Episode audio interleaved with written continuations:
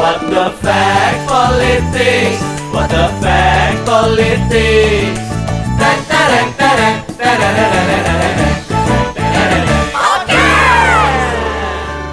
Hai hai, welcome back to What the Fact Politics Podcast CNN Indonesia bareng saya Rani. Dan saya Isan Dalimunte. Oke, ini hari ini hari yang deg-degan. Iya. Seperti biasa deg-degan selalu ya. Deg-degan banget Tapi ya. hari ini makin deg-degan. Iya. Sebenarnya gini Ran, kalau mau boleh curhat dari dulu juga pas kita masih reporter, udah deg-degan juga ketemu narasumber kita yang ini. Sekarang Iya. bener-bener di satu ruangan loh Iya, Ran. Iya. depan-depanan Iya, ya iya. kan. Tapi sebelum kita kenalin Ran, Hmm. kita mau kembali nggak bosen sih buat ngingetin lagi kalau kita punya newsletter Hmm. s- eh, cnnindonesia.com cara subscribe-nya juga gampang tinggal masukin nama dan email Ya. terus jangan lupa juga follow akun medsos kita Hmm. Eh, Ada apa aja? ada di Instagram Eh, eh, Twitter, Twitter TikTok, TikTok, Facebook, Facebook. dan YouTube. Oke. CNN Indonesia pokoknya cari aja gitu. Oke, langsung kita sapa aja kali ya narasumber kita hari ini. Selamat siang Pak Andika Perkasa. Siang Mbak Rani. sehat Pak Andika Sehat. sehat selalu harus selalu sehat Pak ya Harus. soalnya bentar lagi pemilu nih jadi harus sehat Pak harus sehat nih Iya ya. Em, makasih Pak Andika sudah bisa hadir di tengah kesibukannya Ini mungkin pasti udah tahu sih pasti ya. Pak Andika ini mantan Panglima TNI. Iya, sebenarnya udah nggak perlu dikenalin lagi. iya sih ya. Tapi yang pasti jabatan terakhir Hmm, eh, Panglima TNI. hmm. Terus sebelumnya ya kita tahu lah pernah jadi Kasat, pernah jadi Kadis Penat, pernah Hmm. jadi Komandan Pas Pampres. Jadi udah sering muncul di layar kaca sebenarnya. Sebelum karena kita deg-degan kan, Hmm. kita kayaknya harus ngasih pertanyaan cepat yang bikin bikin Agak bikin- mencairkan suasana Iya. gitu ya Pak ya. Ini dijawab cepat aja ya Pak Andika ya. Gitu ya. Bener-bener kayak nggak usah pakai mikir. Oke ya. Siapa dulu nih? Isan, apa gue? Oke, gue dulu ya. Eh Pak Andika. Menko Polhukam atau Menteri Pertahanan? Maksudnya milih nih Mbak. Iya, milih. Oh. Bebas, nggak usah alasan. Menko Polhukam. Oh, Oke. Kalau disuruh pilih presiden atau wakil presiden? Ini harus milih nih Mbak. Iya. Bebas. Ini tricky nih. bukan jebakan, bukan jebakan. Bukan Bukan jebakan. Bebas, bebas. Ya, wakil presiden. Oke. Angkat senjata atau barbel? Angkat barbel. Barbel. Angkat barbel. IKN atau Jakarta? Jakarta. Jakarta. Eh, terakhir nih Pak. Ganjar atau Prabowo? Ganjar. Oke, siap. siap. Oke, thank you Pak Andika. Oke, Pak Lanjut Andika. Kita mungkin langsung nanya-nanya aja ya sama Pak Andika nih. Boleh. Ini karena ini kan Pak Andika men- menduduki pernah menduduki puncak karir ya di eh, TNI gitu sebagai Panglima TNI. Sebenarnya apa sih eh, motivasi Pak Andika bergabung ke TNI gitu? Apakah karena orang tua, karena bapak ya, atau emang karena emang murni keinginan sendiri sendiri aja tanpa ada suruhan atau dorongan dari orang tua gitu? Sebetulnya ini plan B Mbak. Hmm. Eh, rencana yang cadangan tapi mendadak. Jadi dari kecil sampai dengan mau naik kelas 3 SMA itu saya punya cita-cita yang beda. Saya ingin jadi arsitek dan arsitek spesifik ke ITB. Karena mungkin nih Mbak ya kalau saya eh, melihat ke belakang eh, bapak saya kan kerjanya memang di angkatan darat. Ya. Tetapi korpsnya itu seni Ya. atau yang mengerjakan konstruksi lah. Ya. Karena apa? Karena kebetulan bapak saya dulu kuliah di ITB, teknik sipil tapi. Sehingga dari kecil itu SD, Iya, iya. kita kalau pulang sekolah itu kan ke lihat meja bapak saya, bapak saya belum pulang. Oke. Itu mejanya panjang kayak gini dan kita lihat eh, kertasnya juga panjang-panjang. Gambarnya tuh garis-garis gitu loh. Nah, itu sering lihat. Terus sering lihat buku-bukunya bapak saya juga. Buku-bukunya banyak bahasa Inggris. Sehingga kita nggak ngerti. Jadi lihat gambar-gambarnya doang. Tapi gambar-gambarnya itu rata-rata ya gambar-gambar konstruksi. Nah, lama-kelamaan saya jadi mungkin tertarik. Bapak saya pun juga mulai ngajarin. Dik, kalau eh, gambar-gambar garisnya begini, ini nanti kalau jadi tuh begini. Yang dari awalnya nggak ngerti sampai pelan-pelan memahami. Nah itulah yang membuat saya, oke kalau gitu saya juga ingin masuk teknik tetapi arsitektur, nggak teknik sipil, karena dijelasin juga bedanya. Nah, kelas 2 SMA mau naik kelas 3, saya harus menghadapi realita yang kemudian cukup mematahkan hati. Karena Pak saya punya tiga kakak, adik saya masih empat, kami berdelapan, Mas dengan Mbak. Sehingga eh, dalam kondisi begitu, ibu saya ini kok kesulitan dalam hal membiayai, membiayai kakak saya yang tiga yang kuliah ini aja kesulitan.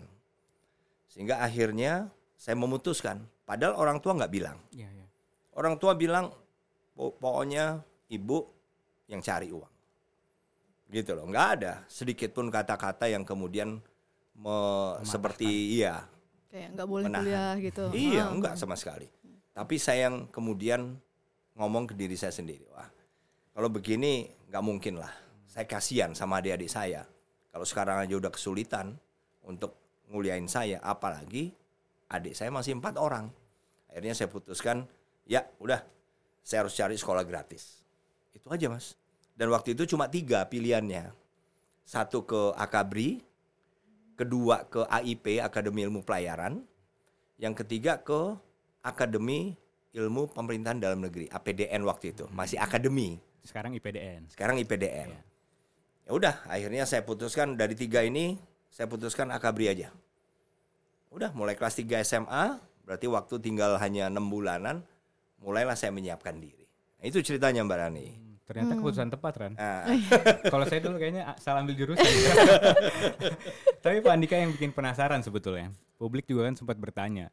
Tadi juga kita sempat ketemu Andrew. Anaknya Iya. potongannya tuh, wah sebenarnya ini cocok jadi the next panglima nih, Iya, bisa juga. Dari postur udah cocok Iya. gitu ya. Cuman ternyata nggak ada yang disiapin jadi TNI. Kenapa tuh Pak Andika? Maksudnya kan biasanya kultur TNI itu anak-anaknya juga Iya. disiapin gitu. Itu alasannya kenapa tuh Pak? kita saya tidak pernah melarang loh mas nggak pernah tapi memang kita kebetulan pada waktu anak-anak masih kecil waktu itu saya sekolah di Amerika mas. Nah di sana itu sistem pendidikannya kan agak berbeda. Jadi SMA itu masing-masing student itu sudah memilih. Ada memang core courses ada kebanyakan elektif. Jadi seperti kuliah lah. Sehingga teman satu kelas kalau kita kan SMA satu kelas ini misalnya dari awal tahun sampai akhir tahun ajaran sama-sama terus kan gitu. Di sana enggak. Jadi satu kelas ini misalnya jam pertama apa mungkin sama-sama. Jam kedua sudah beda. beda-beda. Nah gitu loh. Jadi kalau di sana SMP itu anak-anak atau murid-murid sudah diperkenalkan profesi-profesi dan itu program sekolah mas.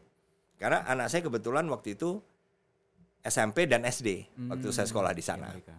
Jadi profesional-profesional itu datang ke sekolah, memang didatangkan, memperkenalkan diri masing-masing sehingga wawasan dari student yang masih SMP ini kemudian sudah mulai terbuka. Oh, kalau saya pengen misalnya dokter, berarti nanti begitu masuk SMA, saya harus mulai ngambil elektif-elektifnya itu yang menunjang. Karena kan tidak semua bisa ke satu profesi. Kalau dia nggak tahu, terlanjur ngambil banyak IPS, tahu-tahu begitu kelas 3 SMA mau ngambil dokter nggak bisa gitu. Jadi dari sana tuh memang sudah lebih awal diperkenalkan sehingga harapannya student itu sudah lebih tahu apa yang harus diambil pada saat SMA. Jadi ternyata arahnya dokter dan Nah, bisnis gitu ya. Kita Iya. bantu, kita bantu menciutkan beberapa profesi. Iya, iya, Memang iya. terus terang kami membantu menciutkan. Oke. Karena tujuanmu apa? Iya, iya, iya. ya kan kita kamu mau sukses mau sukses eh, berarti juga income cukup dan seterusnya jadi kita ciutkan pilihannya ini ya termasuk militer Oh termasuk oh Tetap Oh, ada termasuk. arahan Wah, ke sana iya, ada, gitu. Oh. ada. kemudian mereka sendiri yang menciutkan masing-masing menciutkan sampai dengan pilihan terakhir jadi waktu masuk SMA sudah set mereka sudah tahu mau ke mana. sudah jadi tahu apa. Iya, iya. fieldnya apa yang mau diambil Tadi kita kan ketemu di bawah tuh. Hmm. Masih banyak yang histeris ngelihat Pak Andika kan. Di usia yang udah hampir 60 tahun depan 60 Pak ya. Iya Apa tahun ini sudah 60? Ta- tahun ini Desember 59, 59, ya betul ya. tahun Tahun depan 60. Desember 60 Tapi body apa badan masih fit banget Masih gitu. segar ya Pak ya. Banyak yang penasaran sebenarnya. Eh, awalnya itu kenapa maksudnya suka fitness atau gym atau apa itu kenapa gitu dan akhirnya kultur itu yang dibawa akhirnya ke TNI. kita tahu misalnya dari eh, di markas-markas TNI belakangan Pak Andika bikin apa tempat-tempat gym. Nah, itu apa alasan yang melatar belakangi itu? gitu? Jadi gini mas, eh, dulu waktu saya belum menikah itu sama sekali nggak ada keinginan, Hmm. tahu aja nggak. Dan bahkan saya kurus mas, sebelum menikah ya. Iya, iya. Jadi lulus SMA, masuk akabri, lulus jadi perwira, dinas itu masih kurus sekali. Ada foto-foto saya lah. Karena memang rupanya ada hubungannya mas, Hmm. kurus dengan agak sedikit berisi itu ada rupanya. Kalau kita kurang protein ya pasti cenderung lebih kecil gitu. Ya kita kan gaji aja mas, Iya, iya. gaji perwira eh, pertama itu kan ya segitulah. Iya. Sehingga makanan ya kita apa adanya aja selain juga nabung sedikit-sedikit. Nah kemudian saya menikah, menikah. Kebetulan mertua saya punya alat, alat fitness, Hmm. tapi yang multi station. Jadi yang satu alat, tapi ada untuk tiga atau empat fungsi Iya, gitu. iya, iya. Nah, kebetulan setelah menikah itu kan ada enam bulan lah. Saya tinggal di rumah mertua saya. Oke. Karena belum punya rumah saat itu. nah, sedangkan rumah dinas waktu itu masih cari-cari. Jadi ada enam bulan. Nah, di situ protein tercukupi. Oke. Iya. protein itu kan telur, ayam, daging, ikan gitu loh, Mas. Kalau tadinya sebelum nikah kan karena gaji sendiri ya Makan seadanya. ya seadanya lah gitu karena harus nabung juga Iya, iya. iya. begitu tinggal sama mertua itu kita nggak usah keluar duit dan itu semua selalu ada Oke. gitu. di situ baru saya oh ini terus saya mulai kenal dengan Mas Aderai jadi saya kenal itu Oh.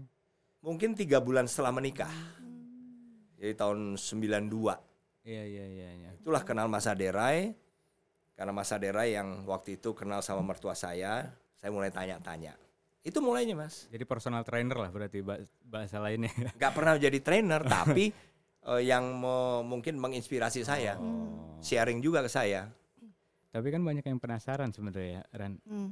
Latihan militer itu kan sebenarnya udah Iya, keras tuh. ha. ya Apakah itu apa beda gitu? beda atau sebenarnya emang harus disokong sama gym juga nih anggota TNI gitu. Nah, itu penasaran juga tuh. nah jadi pada saat saya pertama kali keluar negeri itu kan saya masih letnan dua mas atau pangkat pertama setelah lulus ya saya beruntung lah dapat kesempatan untuk eh, waktu itu penataran bukan sekolah penataran intelijen Oke. di Prancis. Kemudian setelah itu saya sekolah Intel di Australia, tapi Intel eh, Combat Intel atau intelijen pertempuran. Oke. Jadi semi lah, bukan intelijen yang benar-benar eh, di dunia sipil itu bukan. Iya, iya. Nah, jadi itu semua membuat saya ketemu dengan international students. Hmm. Dari situ baru karena saya ke negara maju tadi, Iya. ternyata di sana itu selalu ada gym. Oh. Di kita kan mungkin karena musimnya hanya satu. Iya, iya. Ya, maksudnya temperat temperatur kita kan ya satu lah sepanjang Iya, tahun mirip-mirip. Kalau di sana kan empat, betul. empat musim sehingga ada masa-masa di mana mereka mungkin tidak bisa keluar rumah. Tapi kebutuhan olahraga itu tetap sehingga dibuatlah indoor tempat olahraga indoor. Itulah gym. Hmm. Nah, jadi yang saya alami sendiri kan lebih banyak kita ini kalau kegiatan aktivitas fisik ya di militer itu lebih banyak lari, Hmm, kardio. kardio. Iya, iya, Nah, iya. kardio itu apalagi kalau dilakukan lebih dari 30 menit, Oke. itu cenderung akan memakan masa otot. Hmm. Nah, kemudian tambahan tambahan misalnya otot eh, pull up ya, kita kan pull up, push up dengan sit up saja. Iya. Itu pun dilakukan hanya satu set. Misalnya habis lari push up atau push up terus baru lari. Iya, iya. Jadi sainsnya juga nggak dapat. Push up itu kan dada. Iya. Tapi karena hanya satu set kita nggak dapat Betul. akhirnya. Nah sehingga berbeda sekali mas. Physical appearance, bentuk Oke. tubuh eh, prajurit kita dengan prajurit di negara maju beda. Hmm. Kita lean, lebih ke kecil-kecil. Mereka lebih buff upper body muscles-nya. Otot eh, tubuh bagian atas itu lebih terbentuk, Iya, iya, lebih iya. besar. Dan begitu kita ngalami latihan bersama, ya waktu itu juga Mas, saya letnan 2, letnan 1. Latihan bersama dengan pasukan khusus negara-negara maju. Beda, Mas. Hmm. Mereka begitu bawa beban, Iya, iya, iya. kelihatannya nggak terlalu kesulitan. Kita lihatnya aja bingung-bingung. gede banget ranselnya kan gitu. Kita mau waduh nggak kuat gitu Iya, loh iya. mas.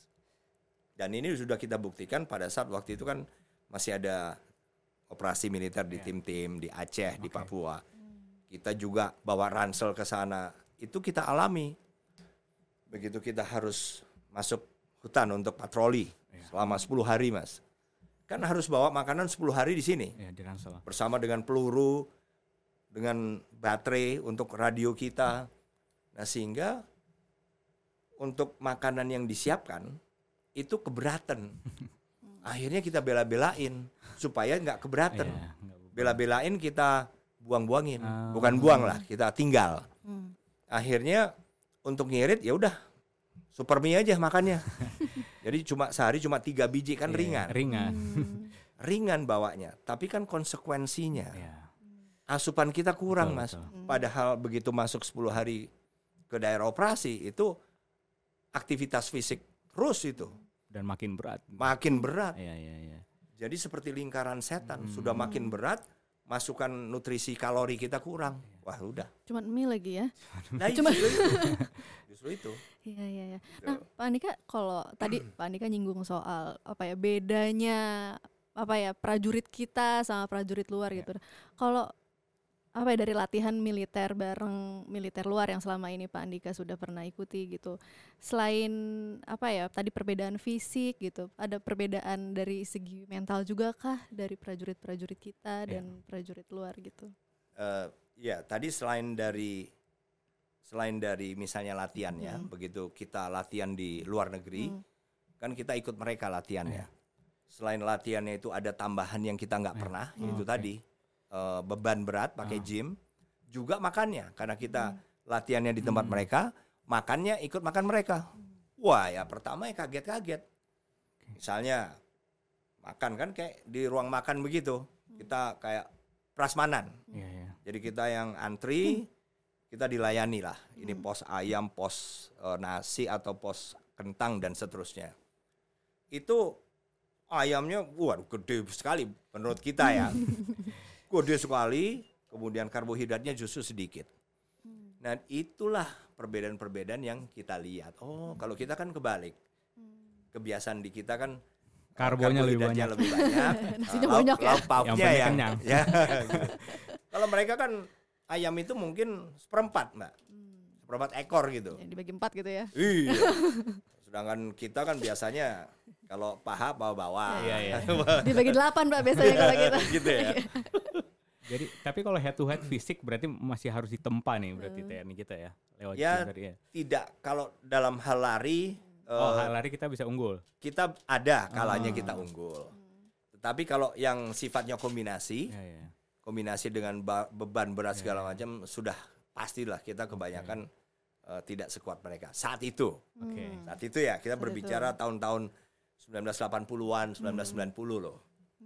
Kalau sekarang bisa Bisa. Nah, karena saya sendiri kan iya, sudah langsung sebagai kepala staf angkatan darat saya sudah menyiapkan, Mbak. Iya, iya. Hmm. Saya menjabat tiga tahun saya membelikan 257 set alat fitness untuk batalion-batalion di seluruh Indonesia, Mbak, angkatan darat ya, dengan kantor-kantor di atasnya batalion. Itu pun belum semua, tapi minimal saya memulai lah.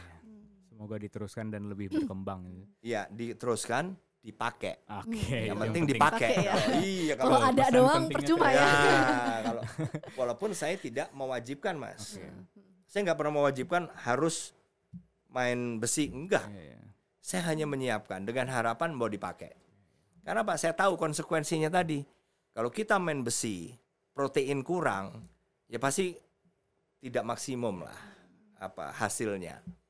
Jadi saya sadari itu karena kan mereka juga mungkin tidak terlalu punya uang Hmm. prajurit-prajurit di bawah ini. Tapi yang penting dipakai deh. Iya, iya.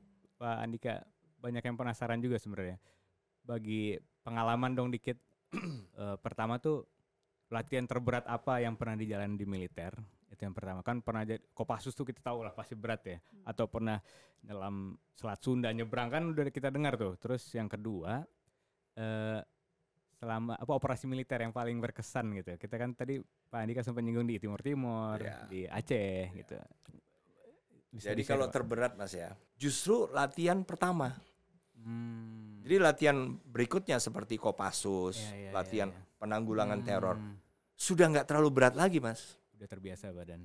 Ya mungkin karena kita Iya. sudah kenal. Betul betul. Yang berat itu yang begitu kita diterima akabri, Iya. terus masuk pendidikan dasar militer yang lamanya sekitar empat bulan atau berapa minggu, 17 minggu sih, empat bulan lebih sedikit. Tapi di antara latihan-latihan itu juga yang yang agak saya eh, apa ya khawatir Iya. itu latihan menembak dengan Hmm. menembak pistol khususnya Iya iya iya. dengan lempar granat. Walaupun tadi masuk di eh, latihan dasar militer yang Iya, iya. setelah lulus SMA itu Masih di awal tuh, Pak. ya? masih di awal.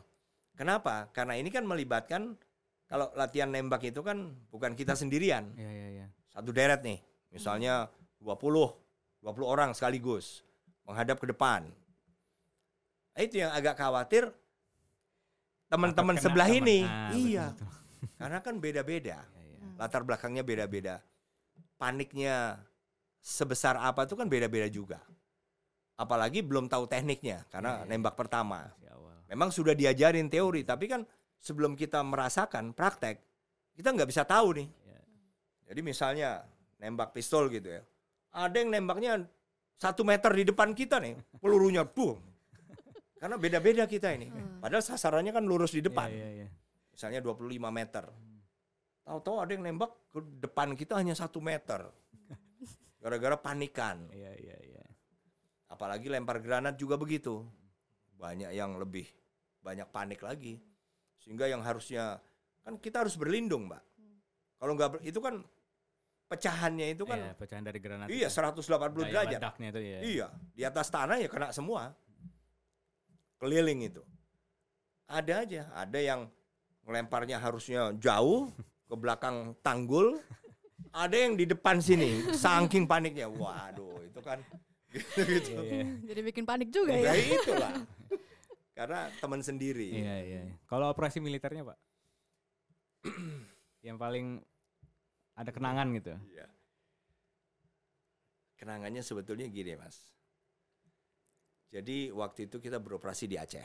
Oh, Aceh. Ya, tim-tim kita tiga kali, tapi Iya iya. menurut saya yang paling eh, memorable ya ini yang di Aceh ini. Saya juga satu tahun tiga bulan di situ. Jadi waktu itu daerah operasi yang dinyatakan sebagai daerah operasi kan hanya Aceh Timur, eh, Aceh Utara, Aceh PD. Oke. Jadi Aceh besar saja enggak. Maksudnya Banda Aceh itu enggak. Apalagi Aceh Barat, Aceh Tengah itu enggak, Mas.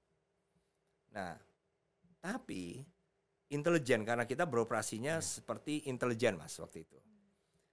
Intelijen saya mengatakan kok mereka ada di luar daerah operasi. Jadi kalau eh, kalau Sumatera bagian utara tuh Iya, Aceh itu, Mas. Iya, kalau paling utara ya. Heeh. Itu jadi cuma tiga yang di atas. Oke. Lainnya tuh bukan daerah operasi. Oh, jadi oke. kita tuh hanya beroperasi di tiga Di yang- kabupaten itu. Oke. Tapi intelijen, informasi yang saya dapat, kok menunjukkan atau mengantar saya ke daerah kabupaten yang bukan daerah operasi. Hmm. Itu yang pertama saya, apa iya? Masa di sana? Iya iya. Karena kan kita masih junior mas ya. Ternyata memang benar. Jadi keluar daerah operasi. Akhirnya saya ke sana. Cuma satu tim aja. Kita cuma Berapa? sembilan orang Oh. kalau nggak salah. Ke Aceh Barat waktu itu mas. Bukan daerah operasi. Nah kita berjalan ke arah ya ke gunung segala macam. Jalan setapak. Dua hari baru sampai. Baru sampai di jadi kayak ada kampung di tengah hutan lah. Hmm. Tapi dekat sungai. Nah informasi saya itu mengatakan bahwa orang itu itu ada Tengku. Tengku Batakiah namanya. Rupanya orang ini orang difabel, terlahir dengan kondisi fisik yang tidak sempurna. Tapi dia sebagai tokoh, salah satu tokoh ini berdasarkan informasi. Iya iya iya. Begitu saya ketemu, saya jadi jadi apa ya? Jadi ragu. Apa iya? Iya iya iya. Karena tidak sep- seperti tidak seperti yang saya Bayangan di dengar. awal. Nah, iya ti- iya. Tidak seperti informasi yang saya dengar. Orang ini begitu lemah, Mhm. sudah berusia dan difabel. Iya. Apa mungkin? Akhirnya saya berusaha untuk meluluhkan aja hatinya. Karena dia keterbuka kan. Karena dia dianggap eh, melindungi, memberikan apa ya tempat untuk bersembunyi ke kelompok yang bersenjata. Saya dekati segala macam. Jadi sama sekali tidak saya perlakukan seperti yang di briefingkan. Iya lah. di awal. Hmm. Iya. Jadi saya ada di situ, ada sekitar empat minggu mas, sebulan di situ. Jadi hubungan kita sudah semakin baik, sudah semakin baik dan akhirnya malah terbuka, memberikan informasi-informasi. Tapi saya lebih percaya kepada hati kecil saya. Orang ini nggak mungkin berbeda dengan informasi yang saya terima. Ya dia lebih seperti orang yang terpaksa lah. Ya udah, akhirnya malah saya terbantu.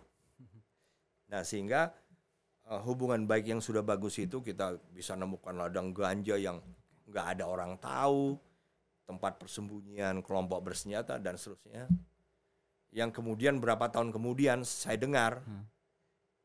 yang bersangkutan ini justru dihabisin. Itulah. Karena dianggap ini kali pak. Nah itu tadi. Ah iya iya iya. Jadi saya begitu mendengar berapa tahun kemudian rasanya sedih saya. Benar-benar sedih. Saya sampai masih inget ya. Iya. Karena waduh, orang difabel seperti itu apa iya sih? Kan saya sendiri membuktikan saya tinggal di situ. Iya, iya. Sak kampung saya hanya 10 orang. Bisa dan dia justru membantu kok. Apa iya, apa perlu sih kita harus habisi gitu loh. Itu yang terjadi. Itu yang paling memorable. Iya. Wah, jadi sedih juga ya. Iya. Waduh. Pak Andika juga agak berkaca-kaca. Oke, Pak Andika mungkin eh, move sedikit ya. Eh, eh, ini kan Pak Andika saat menjabat sebagai Panglima ya, walaupun mungkin nggak lama ya Pak ya, hanya sekitar 11 bulan ya Pak? Itu. 13. 13 ya, 13. Eh, tapi publik melihat Bapak banyak membuat eh, langkah yang progresif gitu. Salah satunya soal apa memperbolehkan keturunan PKI bergabung, terus juga ada yang menghapus tes keperawanan itu ya Pak ya. Itu eh, apa yang mendasari Bapak membuat kebijakan-kebijakan itu dan apakah sempat ada pertentangan mungkin dari internal di TNI gitu soal kebijakan yang Bapak buat? Jadi kan dimulai dari keberuntungan saya Mbak disekolahkan ke luar negeri. Jadi saya dapat kesempatan untuk ngambil master beberapa kali dan juga ngambil PhD pada saat saya masih letnan kolonel. Jadi kapten sampai dengan letnan kolonel itu saya mendapat beberapa kali kesempatan sekolah. Sehingga waktu itu yang saya dalami adalah antara lain diplomacy and military science.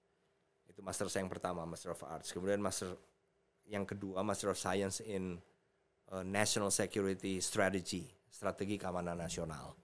Kemudian PhD saya, saya ambil programnya uh, in Public Policy and Public Administration, konsentrasinya di National Security Policy, kebijakan keamanan nasional. Intinya ilmu eksekutif, ilmu pemerintah, karena kebijakan-kebijakan publik. Nah dari situ kan kita sudah belajar bagaimana uh, pengambilan kebijakan itu seharusnya dan bagaimana pemerintah itu seharusnya.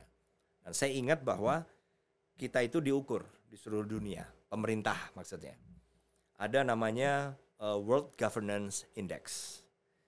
World Governance Index itu ada enam, enam poin yang diukur dan dibandingkan, diukur, dinilai maksudnya dan dibandingkan. Yang pertama adalah dari enam itu mas ya. Yang pertama adalah voice and accountability, akuntabilitas. Yang kedua, political stability. Dan absennya violence dan terrorist act. Jadi stabilitas politik dan eh, ketiadaan atau tidak adanya kekerasan Kekerasan, maupun serangan teroris. Ketiga, government effectiveness atau efektivitas dari pemerintah itu sendiri. Keempat, regulatory quality atau kualitas regulasi pemerintah yang dibuat pemerintah. Kelima, rule of law atau penegakan hukum. Dan terakhir, control of corruption atau kontrol terhadap korupsi. Jadi yang pertama tadi, voice and accountability, ya itulah yang harus saya, sehingga saya kan di TNI saya juga bagian dari eksekutif. Jadi saya harus ingat terus prinsip-prinsip itu. Dan nomor lima tadi rule of law. Enam korupsi. control terhadap korupsi. Jadi dari situ saya harus terus bawa itu di mana pun tugas saya. Kementeriannya boleh berbeda-beda, tetapi prinsip itu harus dipegang. Nah, rule of law tadi, penegakan hukum. Dan saya akan mengikuti, mempelajari semuanya. Ternyata tanpa saya tahu, saya pada saat kepala staf angkatan darat sudah membuat aturan itu. Gak ada lagi calon yang mau masuk TNI harus bebas dari uh, hubungan hubungannya dengan PKI. Apakah orang tua, kakek, nenek dan seterusnya. Saya sudah hilangkan. Lah, saya dan itu tidak mudah untuk mengawasi, untuk memastikan itu tidak dilakukan di satuan bawah. Begitu saya Panglima TNI berarti tahun lalu kok masih? Kita baru mau mulai itu Iya, iya. untuk rekrutmen waktu itu. Saya kumpulkan tim yang mem- membidangi materi-materi seleksi. Saya suruh mereka paparan apa rencananya dan di situlah secara kebetulan ketemu bahwa untuk eh, mental ideologi, materi tes mental ideologi antara lain juga mereka akan dicari keterkaitan. Keterkaitan dengan PKI di keluarganya. Apakah kakek, nenek, orang tua, paman dan seterusnya. Nah, itulah yang saya kemudian kejar. Dasarnya apa? Karena saya sejak kepala staf angkatan darat sudah memberlakukan itu dan dasarnya jelas. Yang melarang kan cuma TAP MPRS nomor 25 tahun 66 dan di situ ada tiga putusan dan gak ada hubung nggak nggak ada satupun yang menyangkut tentang mencegah siapa pun yang dianggap punya hubungan darah dengan PKI apakah itu kakek atau orang tua untuk tidak boleh masuk TNI nggak ada. Karena TAP MPRS nomor 25 tahun 66 tadi isinya satu membubarkan PKI Partai Komunis Indonesia. Kedua menyatakan PKI sebagai organisasi terlarang di seluruh Indonesia. Dan ketiga melarang eh, mengembangkan atau menyebarkan paham komunisme, Lenin- Marxisme, Leninisme. Leninisme. Hanya tiga itu saja. Jadi itulah dasar saya. Kita harus menegakkan aturan. Aturannya nggak ada. Rule of law itu ada dalam governance index. Ya sudah, itu yang saya kemudian hilangkan. Termasuk untuk keperawanan. Juga di situ nggak ada tulisan yang secara spesifik menyatakan itu. Lah terus kenapa dilakukan? Ya banyaklah alasan-alasan yang sifatnya non teknis. Padahal kalau kita kembalikan ke seleksi lima materi tadi, orang harus lulus lima seleksi kan? Ini kan semata-mata misalnya tes kesehatan. Itu kan supaya yang bersangkutan begitu diterima masuk pendidikan dasar militer yang saya bilang tadi, berat itu. tadi, 17 minggu. Itu dia harus bisa lulus. Sehingga kalau dia punya penyakit menular, dia nggak boleh nggak boleh diterima. Kemudian dari segi mental illness-nya, dia punya eh, kondisi kejiwaan yang tidak bisa menahan stres, dia juga nggak boleh masuk. Karena kalau orang stres bisa bahaya tadi pada saat menembak atau apa membahayakan jiwa temannya. Nah keperawanan letaknya di mana? Latihan apa? Orang yang sudah menikah juga bisa kok mengikuti pendidikan ini. Kan nggak ada yang me- kemudian menghalangi dia. Nggak ada hubungannya dengan status kerawa- eh, keperawanan seseorang. Saya punya keyakinan Ya. 1000%. Karena apa ya? Karena kalau orang menggunakan PKI lagi atau ajaran kan masuklah itu ke TAP MPRS. Dia Ya. akan dengan mudah kemudian diproses hukum. Jadi saya tidak yakin. Dan lagi kalau kita kemudian mencegah atau melarang mereka-mereka yang menjadi keturunannya Ya. PKI untuk masuk ini, itu kan tambah tahun tambah banyak. Ya. Terus bagaimana kita tahu bahwa kakek orang tuanya itu kemudian terlibat dalam PKI yang sudah dibubarkan itu? Iya, iya. KTA-nya ada nggak? Iya, iya. Mungkin kita juga nggak tahu bahwa KTA itu pernah ada atau nggak zaman itu. Ya, jadi itu yang saya pegang, mas. Siap Ran. Udah nyinggung politik nih Ran. Berarti kita masuk ke topik politik Ya, Ran ya. Kita move ya Pak ya. Gimana nih? Eh, ini Pak, rame nih Pak Andika Perkasa nih setelah hadir di GBK acara Bung Karno dan pakai batik merah Ran. Batik Itu yang merah. bikin kita wah Ini serius nih batik merah nih orang juga nanya nih. Terus juga PDIP udah menggadang-gadang Pak Andika Perkasa jadi bakal jadi ketua tim pemenangan Ganjar Pranowo. Gimana tuh Pak? Apa benar dan apa emang udah ada komunikasi atau emang jangan-jangan udah ditentuin nih di belakang layar nih? belum, Ah, belum. sama sekali. Maksudnya kalau komunikasi Iya. ada komunikasi Oke. tapi nggak menyangkut masalah itu. Oh, tapi dengan PDIP maksudnya. Oh ya, Oke. jadi kalau komunikasi Dengan Pak Ganjar. ya ada, tapi nggak pernah membicarakan tentang tim pemenangan. Oke. Nggak pernah kita bicara, membicarakan tentang wapres juga nggak pernah. Karena apa? Ya kita semua, kalau saya sendiri, saya tahu diri lah. Saya kan bukan orang yang punya kewenangan untuk me- apa, memutuskan. Jadi saya hanya ingin me- apa ya, eh, memastikan bahwa kalau saya ditugaskan apa pun atau tidak ditugaskan apa pun, ya saya siap laksanakan. Karena kita bernegara, kita harus apa ya, punya loyalitas dan itu sikap saya. Oke. Tapi kalau misalnya di, tadi kan Bapak udah sempat bilang kalau ditugaskan jadi ketua tim ses pun siap, gitu ya. Siap. Kira-kira bakal siapin apa aja Pak buat Ya, Pak ya. Ganjar gitu? Ya kan belum diputusin. Oh, Kalau belum diputusin. saya ngapain? Jangan dibocorin dulu Pak ya. Enggak, lagi juga belum Oh, belum- ngap- belum- ngapain belum ada bayangan ya? belum, belum tentu juga saya Iya. ditugaskan itu loh, Mbak. Iya. Tapi sebelum itu sebenarnya Pak, kan sebenarnya sempat juga bakal jadi cawapres Ganjar juga nih. Oh, iya. Jadi kalau disuruh pilih mau tim ses atau cawapres nih Pak Andika nih. Itu kan bukan pilihan saya. Undang-Undang 45 loh, Mas. Iya, iya, iya. Konstitusi kita mengatakan itu kewenangannya partai politik Partai atau gabungan partai politik. Iya, iya. Gitu. Udah udah kayak politikus nih jawabannya. udah cocok. Enggak ya, Mem. Itu peraturannya ya, Mbak. Tapi udah cocok nih jadi politikus Rannya. Jawabannya pinteran. Tapi Pak Nika kenapa pilihnya ke tim ses Pak Ganjar gitu? Kenapa enggak? Kan ada sekarang yang capres tuh ada yang muncul ada nama Pak Prabowo juga, ada nama Pak Anies gitu. Kenapa Pak? Ya, tiga-tiganya adalah eh, orang yang dipilih sudah. Kenapa? Iya. Tiga-tiganya sudah diumumkan. Eh, tidak tidak tergantung dari apakah resmi atau tidak, saya tidak melihat itu. Tetapi minimal tiga nama ini yang sudah dianggap partai politik eh, sangat pantas. Ya. Dari tiga-tiganya semua punya kelebihan. Nggak ada yang apa ya, nggak ada yang jelek sama sekali. Tetapi kalau saya ditanya pribadi, ya kan saya juga punya preferensi pribadi. Ya saya milih Mas Ganjar. Jadi pilihan pribadi. Itu pilihan pribadi. Oke oke. Jadi itu jawabannya Ran. Iya. Jadi eh, tim Prabowo sama Pak Anies nggak usah terlalu ngarep juga. Pak Andika udah Dan mereka berdua juga iya, bagus-bagus, iya, iya, iya. bagus-bagus. Tapi kan sebenarnya gini Pak, kenapa? Karena sebetulnya kan eh, Pak Andika kemarin masuk bursa capres Nasdem. Hmm. Nah, Artinya tim Anies ini yang mencapreskan Anies juga berharap sebenarnya Pak Andika juga merapat gitu kan.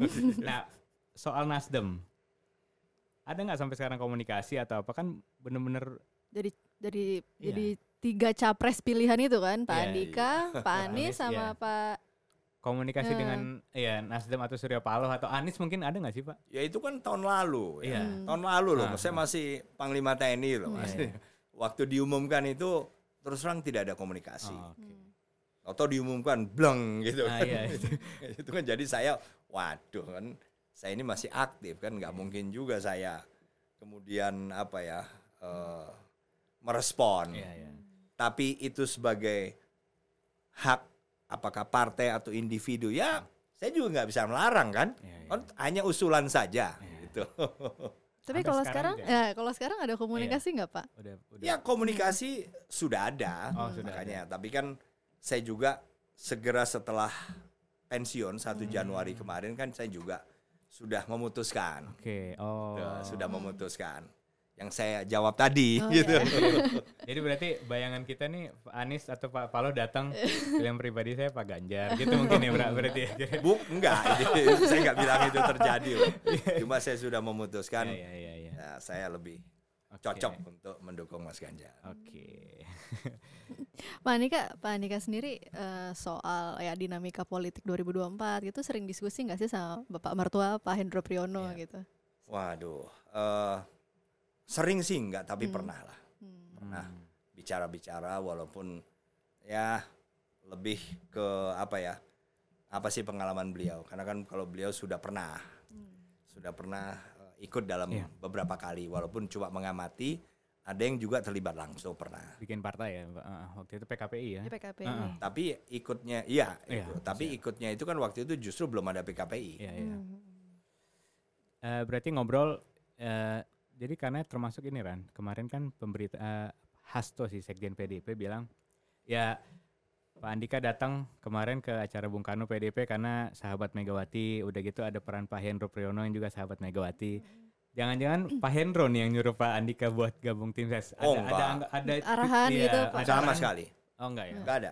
Walaupun saya pernah bicara dengan mertua saya, tapi Iya, tidak ada kita membicarakan itu dan Iya. apalagi arahan nggak ada. oke Kan kita udah dewasa Iya, dong. iya, jadi bebas pilihan pribadi ya. Bebas. oke itu udah kejawab tuh Oh, Ran iya, iya, iya. Tapi Pak Andika sekarang nih udah punya KTA belum sih KTA PDIP? PDIP. Saya Hmm. saya tidak bisa menjawab karena memang eh, apa ya ada yang belum bisa saya buka. Oke. Hmm. Soalnya gini Pak Andika. Nah, Bu Puan yang ngomong kemarin Iya, ketika ditanya betul. wartawan kata Bu. Puan, tanya langsung dong ke Pak Andika. Nah, ini kita, kita tanya langsung nih. sekarang. lah iya makanya saya menjawab. Iya, ada iya. yang belum bisa saya cerita. Hmm. Kalau kalau kalau saya bisa cerita pasti saya cerita. Oke. Eh, jadi mungkin ya tanya lagi ke Mbak Puan. Ya udah kita nanti undang Mbak Puan Oh, iya, iya, bilang iya. disuruh Pak Andika gitu. Untuk tanya langsung. Oke Ran. Jadi pilihan pribadi udah udah di ini Pilihan nih udah pribadi di- dan memang Jadi buat ada. yang lain nggak usah terlalu ngarep loh. Pak Andika. Pak Andika sudah menentukan ini ya. Eh udah tundang pilihan. Pilihannya. Punya pilihan. Iya iya. Jadi mileni- millennials itu belakangan tuh termasuk kagum nih sama pasangan Pak Andika dan Bu Heti. Hmm. Jadi belakangan di medsos, di TikTok, di apa itu dipuji banget. Wah, serasi mesra banget gitu, serasi banget. Nah, Tadi gitu. aja aku lihat apa ya dari turun mobil sampai itu digandeng, Bu Digandeng. Hetinya gitu ya. Eh, saya aja yang baru nikah lima tahun nggak pernah gandeng itu. Ya. Nah, eh, sebenarnya pengen tahu ke belakang dikit nih Pak, Ya. sebelum kita bahas tips-tipsnya. Dulu tuh ngedeketin anak jenderal tuh gimana tuh Pak? Maksudnya mentalnya, ber- keberaniannya, terus ceritanya gimana? Boleh dibocorin dikit nggak nih Pak? Pak Andika? Ya sebetulnya ada lagi ke belakang lagi mas. Oh, gitu. Jadi Sebelum- belum pendekatannya belum itulah. Iya, iya, iya. Ada trauma sebenarnya mas.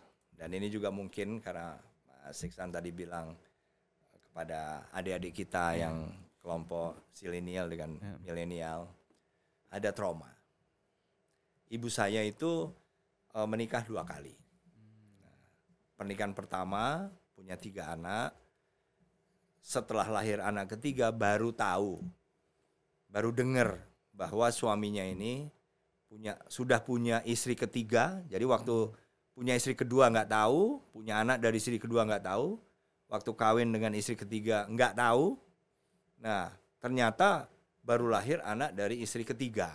Nah, sehingga ibu saya pergi bawa tiga anaknya, dititipkan ke orang tuanya, kemudian eh, cari kerja. Nah di situlah ketemu ayah saya. Ayah saya single. Jadi saya anak pertama dari ayah saya tapi anak keempat dari ibu saya. Nah, ternyata dalam perjalanannya memang tidak mudah, Mas. Karena apa? Karena ternyata bapak saya tidak ingin anak tirinya, anak ibu saya ini tinggal sama-sama kami. Nah, itu sendiri kan sudah eh, apa ya? membuat banyak luka. Karena sebagai anak kecil mereka masih kecil-kecil loh itu. Mereka kalau kangen ibunya tapi nggak bisa karena ayah tirinya nggak boleh. Jadi sering kali ibu saya nangis, tapi nangisnya pada saat setelah ayah saya pergi ke kantor gitu loh, nangis, kangen sama anaknya. Saya melihat itu. Begitu ibu saya sudah nggak tahan, begitu liburan sekolah, dan itu mungkin tiga tahun atau empat tahun sekali, baru anak-anak tirinya ini yang tinggal bersama orang tuanya di Blitar, dipanggil ke Jakarta. Kan lagi liburan sekolah. Begitu ke Jakarta, ibu saya sudah minta anak-anaknya ini untuk seperti seperti pembantu lah. Pokoknya untuk mengambil hati bapak saya supaya sayang. Jadi yang suruh kerja itu ya tiga ini. Suruh ngepel, nyapu, bersih, bersih segala macem lah. Bapak saya tetap nggak mau ngomong. Ngomong aja nggak mau, negur aja nggak mau. Ya saya nggak tahu masalahnya apa, tapi yang jelas kan yang jadi korban adalah anak-anak. Ya mungkin ayah saya juga merasa bahwa dia tidak punya tanggung jawab. Saya nggak tahu lah, Iya, iya. itu masalah hanya mereka berdua yang tahu. Tapi dari situ saya melihat bahwa korban itu banyak. Jadi kalau tiga kakak saya dalam pertumbuhannya kemudian tidak sempurna,